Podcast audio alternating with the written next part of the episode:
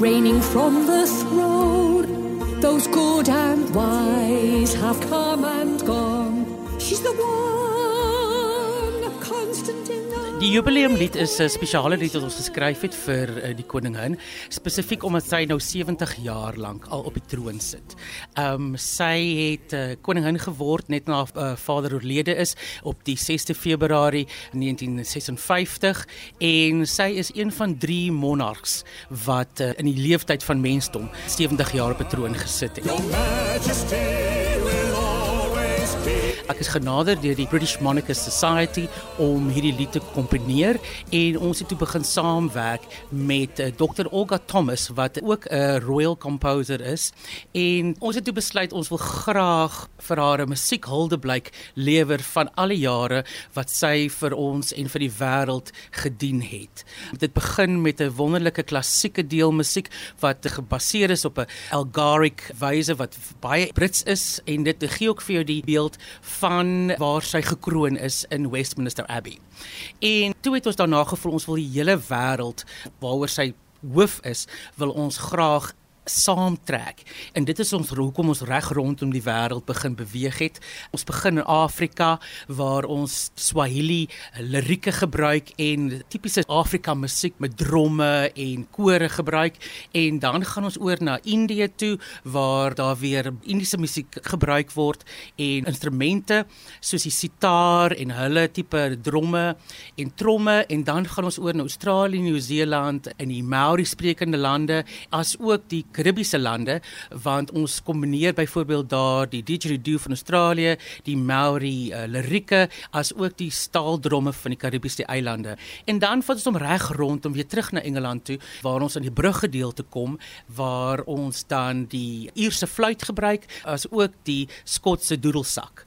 En die woorde wat ons spesifiek in daai lirieke geskryf het is haar oath wat sy gemaak het toe sy 21 jaar oud was en in Kaapstad gesit het. En hier sit Anton van der Merwe, boerling van Kariga Uitenhage en jy het nou vir die koningin van Engeland het jy nou hierdie verskriklike samevattende klankbeeld, klankmusiek alles gekomponeer om haar te huldig. En jou verhoognaam is meer. Ek het nou so 2 weke terug gekom Suid-Afrika toe net om 'n bietjie weer vakansie te hou na die jaar se projek waarmee ons besig is. En ja, my verhoognaam is inderdaad van der Meer, maar die rede daarvoor is omdat niemand internasionaal Merwe kon uitspreek nie. Dit was Anton van der Merwe, van der Mewe, selfs op 'n stadium Anton van der Seamew. En toe voel ek net ek gaan nie die Wena maar uh, laat gaan en toe word dit Anton van der Meer wat toe nou baie makliker uitspreekbaar was. So maar ek is nog steeds 'n van 'n Merwe in bloed en 'n um, stof. So Ja. Ek is in 2003 al oor Engeland toe. Ek het oorgegaan as 'n musiek en kuns en kultuuronderwyser.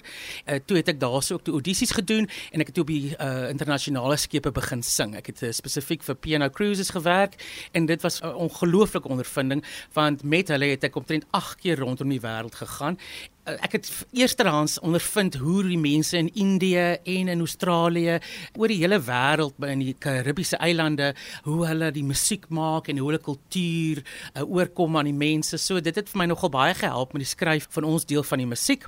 2013 het ek die skepe verlaat en ek het toe daarso 'n onderwikkelingskontrak geteken met 'n artist development company wat toe vir my gehelp het om my eerste musiek te skryf. Met dit is ek toe raak gesien deur Psycho vir British Got Talent, maar ongelukkig toe ek my finale audisie moet sing, toe het ek laryngitis gekry. Maar ek het toe maar aangegaan. In 2016 het ek toe teruggekom Suid-Afrika toe en ek het vir 'n tyd lank vir 'n chef gewerk in Kaapstad, 'n baie baie bekende televisie chef vir net so net so onder die 2 jaar en daarna het ek toe begin uh, events hardloop in Kaapstad saam met 'n ander besigheid wat ek nogal baie geniet het.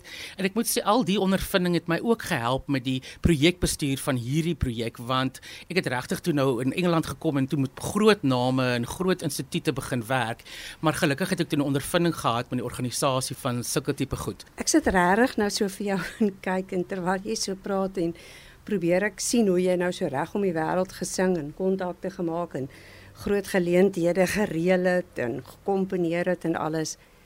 Maar jy is 'n man wat as 'n regsgeleerde uit die Nelson Mandela Universiteit gestap het en daarna was jy 'n onderwyser by die Hoër Tegniese Skool Daniel Pinaar op Uitenhage.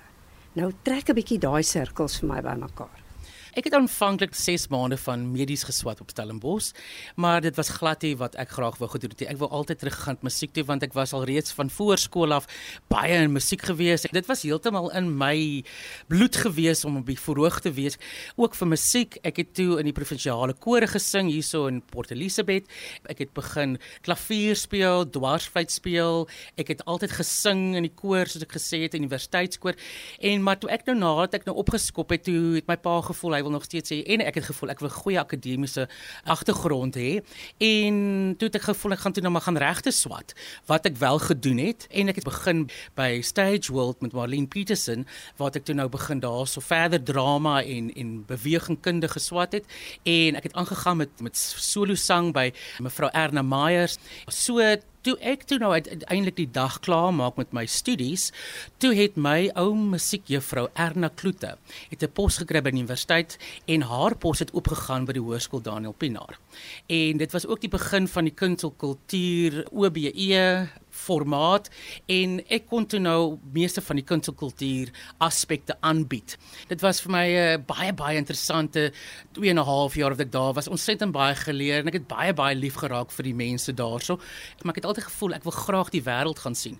Maar die 2 en 'n half jaar se skool gee toe nou vir my die geleentheid gegee om oor te gaan Engeland toe as 'n kunstelkultuuronderwyser Aanvanklik het ek 'n werksgeleenthede by Disney Cruises ook gekry en by Norwegian Cruise Lines, maar Piano het vir my die beste geld en ook die beste um, roetes aangebied. En daai tyd op die see was vir my 'n fantastiese tyd gewees. En nou is jy in die koningin se kollig met haar 70 jaar op die troon se vieringe. Maar dis nie iets wat sommer van self gekom het nie. Jy sal ook nie sê dis blote geluk nie.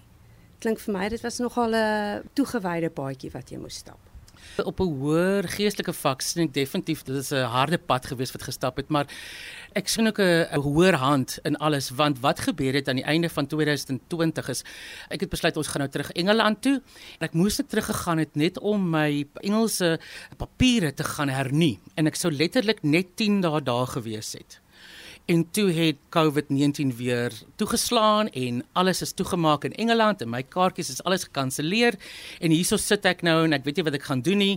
En toe kom daar 'n vriend van my wat ek toe nou al seker so 3, 4 jaar gelede ontmoet het. Hy is toe die stigter van die British Monarchist Society. Sy naam is Thomas Mays Archer Mills en hy het die hele tyd my musiekloopbaan gevolg en hy het baie van my vorige komposisies gehou wat ook nogal anthem like is. Soos volkslied tipe musiek was maar dis ook op 'n op amper op 'n geestelike vlak. So hy het gevoel ek is 'n goeie kandidaat om die lied te skryf. En ons het letterlik die lirieke oor 2 dae geskryf. Hy op daai stadium het toe nou in Kanada vasgesit en ek sit nou in Engeland vas. Hy ons op pad terug Engeland toe. Ek was vir ons amper op Suid-Afrika toe maar ons skryf dit nou sommer oor Zoom meetings gou-gou die lirieke en ons het bespreek hoe die prentjies nou moet lyk wat ons met die woorde wil skep en ek het die melodie geskryf in die in die akkoorde en dit het letterlik met 'n hand van bo in 'n paar dae gebeur.